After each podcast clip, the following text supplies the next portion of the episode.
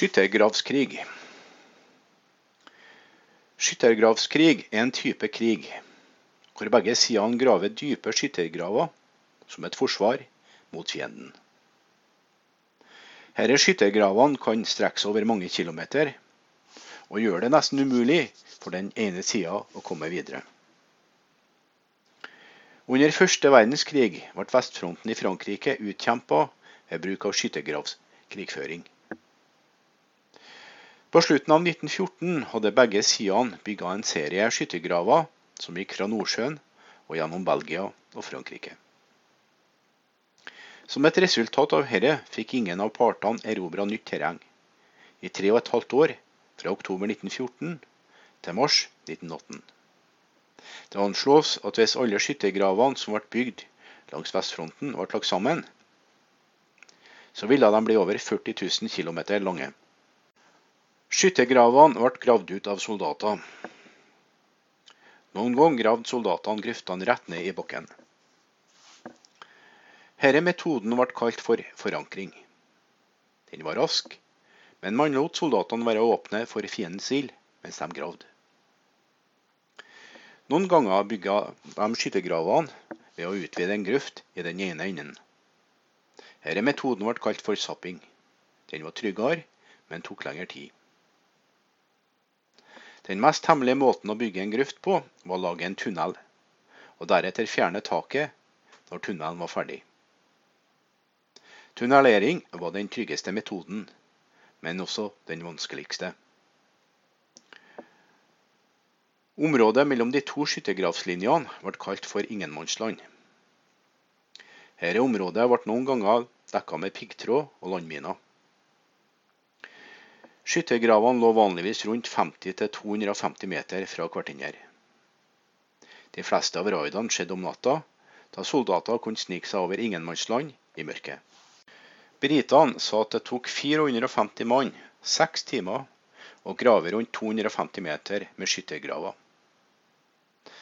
Den typiske skyttergrava ble gravd rundt 12 meter dypt ned i bakken. Det var ofte bygd en voll på toppen av skyttergrava og det ble satt opp et piggtrådgjerde. Noen skyttergraver ble forsterka med trebjelker eller sandsekker. Bunnen av grøfta ble vanligvis dekka av treplater. Trelemmene var ment å holde soldatenes føtter fra vannet, som ville samles i bunnen av grøfta. Skyttergravene trengte konstant reparasjon. Ellers ville de bli ødelagt av været av fiendens bomber. Skyttergravene ble ikke gravd i en lang, rett linje. De ble gravd i et sikksakkmønster. Og det var mange nivåer av skyttergraver, med stier gravd, slik at soldatene kunne dra mellom nivåene. Soldatene roterte generelt gjennom tre stadier av skyttergraver ved fronten. De ville tilbringe litt tid ved skyttergravene ved fronten. Litt tid i støttegravene og litt tid i hvilekvarteret. De hadde nesten alltid noe å gjøre. Enten det var å reparere skyttergravene, gå vakter, flytte forsyninger, gjennomgå inspeksjoner eller rengjøre våpnene. Den typiske soldaten i skyttergravene var bevæpna med ei riffel, en bajonett og en håndgranat.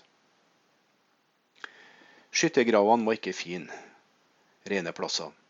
De var faktisk ganske ekle og skitne. Det var alle slags skadedyr som bodde i skyttergravene. Rotter, lus og frosker.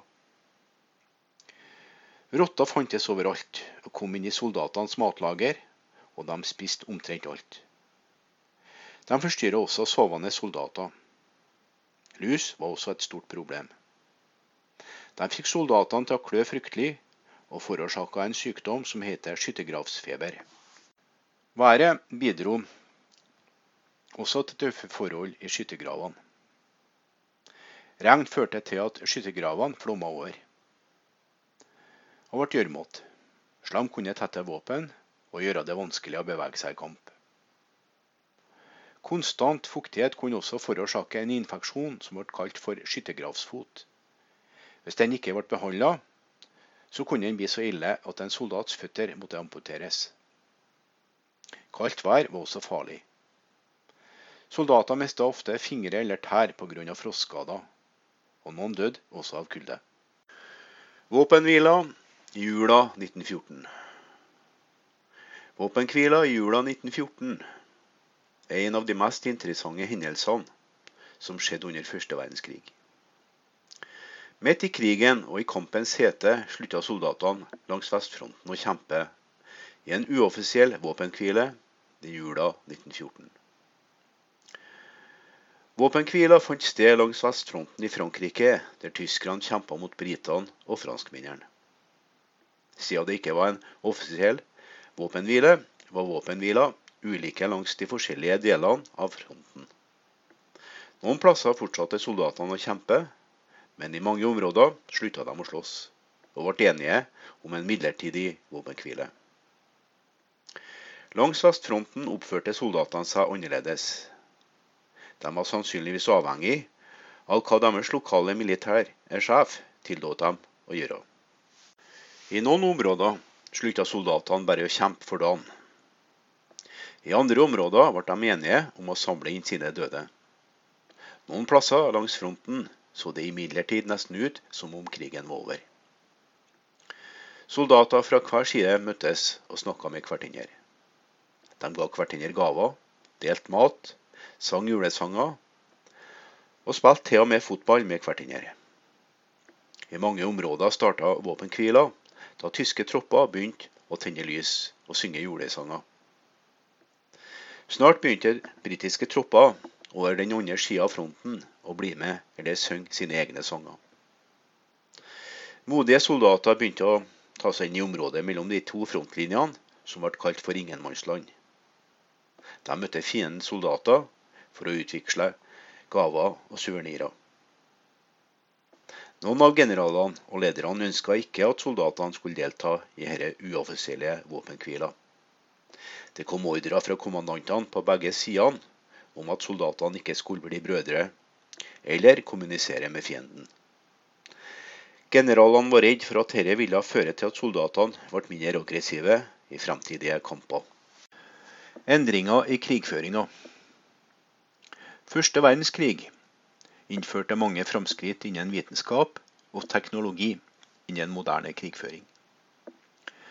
Disse fremskrittene endra krigføringens natur, inkludert kampstrategier og taktikk. Forskere og oppfinnere på begge sidene arbeidet gjennom hele krigen for å forbedre våpenteknologien for å gi sin side et forsprang i kampen. Første verdenskrig var den første krigen der flyet ble brukt.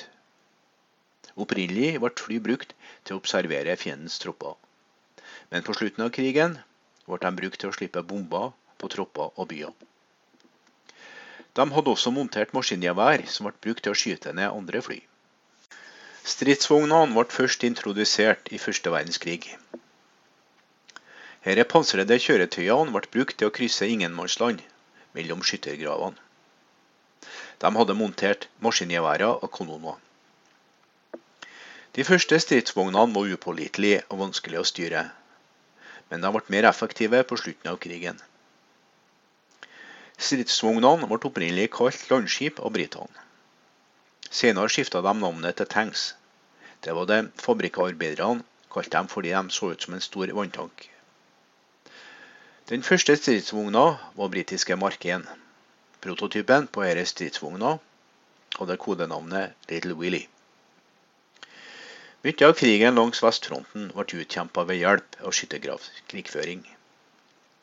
Begge sidene gravde lange skyttergraver som hjalp til med å beskytte soldatene mot skudd og artilleri. Området mellom fiendens skyttergraver ble kalt for No Man's Land. Skyttergravskrigføring forårsaka et dødvann mellom de to sidene i mange år. Ingen av sidene fikk erobra terreng, men begge sidene mista millioner av soldater. Britiske soldater i skyttergravene brukte ei riffel med bolt. Den kunne skyte rundt 15 skudd i løpet av et minutt. De farligste skipene under første verdenskrig var store metallpansra slagskip som ble kalt for dreadnoughts. Disse skipene hadde kraftige kanoner som kunne treffe mål langt borte, slik at de kunne angripe andre skip og mål på land fra lang avstand. Det viktigste sjøslaget i første verdenskrig var slaget ved Jylland. Foruten dette sjøslaget ble allierte marinefartøyer brukt til å blokkere Tyskland for å forhindre forsyning av mat fra å komme til landet.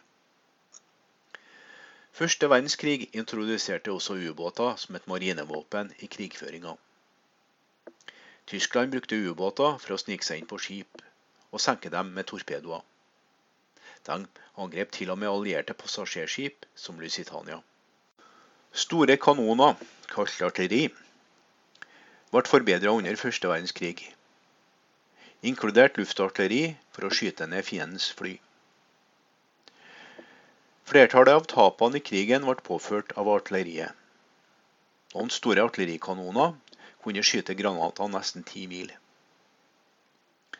Store artillerikanoner trengte så mange mann som tolv mann for å sikte, laste og skyte dem. Maskinpistolen ble forbedret under krigen. Den ble gjort mye lettere, og det ble lettere å bevege seg rundt med den. Flammekastere ble brukt av den tyske hæren på vestfronten for å tvinge fienden ut av skyttergravene sine. Første verdenskrig introduserte også kjemiske våpen i krigføringa. I Tyskland ble det først brukt klorgass for å forgifte intetanende allierte tropper. Senere ble den farligere sennepsgassen utvikla og brukt av begge sidene. Mot slutten av krigen var troppene utstyrt med gassmasker, og våpenet ble mindre effektivt. Luftfart og fly under første verdenskrig.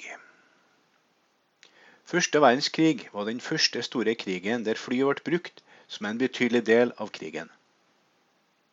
Flyet ble oppfunnet av Wright-brødrene i 1903, bare elleve år før første verdenskrig starta. Da krigen først starta, spilte fly en liten rolle i krigføringa.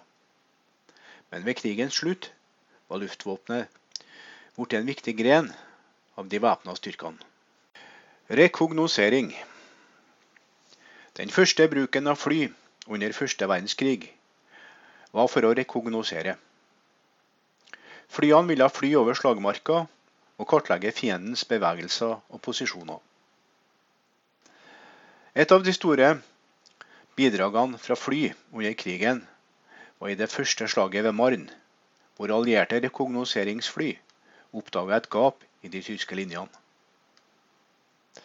De allierte angrep dette hullet og klarte å splitte de tyske hærene og drive dem tilbake. Bombinga. Etter hvert som krigen utvikla seg, begynte begge sidene å bruke fly for å slippe bomber på strategiske plasser. De første flyene som ble brukt til bombinga, kunne bare være små bomber og var veldig sårbare for angrep fra bakken. På slutten av krigen ble det bygd raskere langdistansebombefly som kunne ta med mye større last av bomber. Maskingevær og dogfights. Med flere fly på himmelen begynte fiendens piloter å kjempe mot hverandre i lufta. Først prøvde de å kaste granater mot hverandre, eller skyte med rifler og pistoler. Dette fungerte ikke særlig bra. Piloter fant snart ut at den beste måten å skyte ned et fiendtlig fly på, var med et påmontert maskingevær på flyet. Imidlertid, hvis maskingeværet var montert foran på flyet, så ville propellen komme i veien for kulene. En oppfinnelse kalt en avbryter ble oppfunnet av tyskerne, som tillot at maskingeværet kunne synkroniseres med propellen. Snart brukte alle kampfly disse oppfinnelser. Med påmonterte maskingeværer kjempa piloter ofte mot fiendtlige piloter i lufta. Disse kampene i lufta ble kalt for dogfights. De beste av pilotene ble kjent og fikk kallenavnet S. Type av fly fra første verdenskrig. Hver side brukte en rekke forskjellige fly opp gjennom hele krigen. Stadige forbedringer ble gjort i utforminga av flyene etter hvert som krigen gikk. Bristol type 22. Britisk toseters jagerfly. Fokker Eindecker. Et seters tysk jagerfly. Fokker var kanskje det mest berømte jagerflyet under første verdenskrig, da det introduserte det synkroniserte maskingeværet og ga Tyskland luftoverlegenhet i en periode under krigen. Siemens Schuckert, ettseters tysk jagerfly. Sopwith Camel, britisk jagerfly med ett sete. Handley Side Zero 400, britisk bombefly med lang rekkevidde. Gotha GV, tysk bombefly med lang rekkevidde. Første verdenskrig, flymarkeringer. Da krigen først starta, var flyene bare vanlige fly uten militære markeringer. Dessverre ville tropper på bakken prøve å skyte ned et hvilket som helst fly de så, og noen ganger skyte ned sine egne fly. Etter hvert begynte landene med å markere flyene sine under vengene, slik at de kunne identifiseres fra bakken. Luftskip. Flyvende luftskip ble også brukt under første verdenskrig til både rekognosering og bombing. Tyskland, Frankrike og Italia brukte alle luftskip. Tyskerne benytta seg mest av luftskip, og brukte dem mye i bomberaid over Storbritannia. Luftskip ble også brukt i sjøslag. Kjente jagerpiloter fra første verdenskrig. De beste jagerpilotene under første verdenskrig ble kalt S. Hver gang en jagerpilot skjøt ned et annet fly, hevda han en seier. S holdt oversikten over sine seire og var telta i sine respektive land. Her er noen av de mest dekorerte og berømte jagerpilotene. Manfred von Richthofen, tysk 80. Også kjent som Den røde baron. Ernst Ode, tysk 62 seire. Berømt for å bruke fallskjerm for å overleve. Werner Voss, tysk 48 seire. Edward Mannock, britisk 73 seire. William Abishop, britisk 72 seire. René Fonck, fransk 75 seire. Georges Gunnemer, fransk 53 seire. Eddie Rickenbacker, amerikansk 26 seire. Den røde baron, Manfred von Richthofen. Den røde baron ble født Manfred von Richthofen. Han fikk kallenavnet Den røde baron under første verdenskrig fordi han fløy et fly og var den høyest rangerte jagerpiloten under krigen. Den røde baron var egentlig kallenavnet britene kalte han. Han hadde også andre kallenavn, inkludert Le Petit Rouge i Frankrike og Der Rote Kampflieger i Tyskland. Manfred von Richthofen ble født 2. mai 1892 i Breslau, Tyskland. Denne byen er nå Wroclaw i Polen. Faren til Manfred var major i den tyske hæren. Og det ble bestemt siden Manfred var en liten gutt, at han også skulle gå inn i hæren. Som gutt elska Manfred all slags idrett og jakt. Han utmerka seg mer i sport, langt mer enn i skolearbeid. Da Manfred var elleve år gammel, gikk han på Wallstadt militærskole i Berlin, Tyskland. Der trente han på å bli offiser i den tyske hæren. Han var en utmerka rytter, og da han ble uteksaminert, slutta han seg til det tyske kavaleriet i 1911. I løpet av ett år ble Manfred forfremma til løytnant under første verdenskrig. Manfred von Richthofen var 22 år gammel da første verdenskrig starta i 1914. Hans første jobb under krigen var å gjennomføre rekognoseringspatruljer på vestfronten. Imidlertid ble kampene på vestfronten snart endra skyttergravskrigføring. Det var lite bruk for kavaleri i skyttergravene, og Manfred leverte snart meldinger til offiserene bak linjene. Manfred var ivrig etter å bli mer involvert i krigen, så han meldte seg som frivillig til å jobbe som observatør på rekognoseringsoppdrag. Han fløy sammen med piloter som speida etter fiendens tropper, leste kart og brukte maskingeværet sitt til å skyte ned fiendens fly. Etter et tilfeldig møte med den berømte jagerpiloten Osvald Bølke på et tog, bestemte Manfred seg for å trene seg opp til å bli jagerpilot. Han trena hardt og tok sin første flytur 10.10.1915.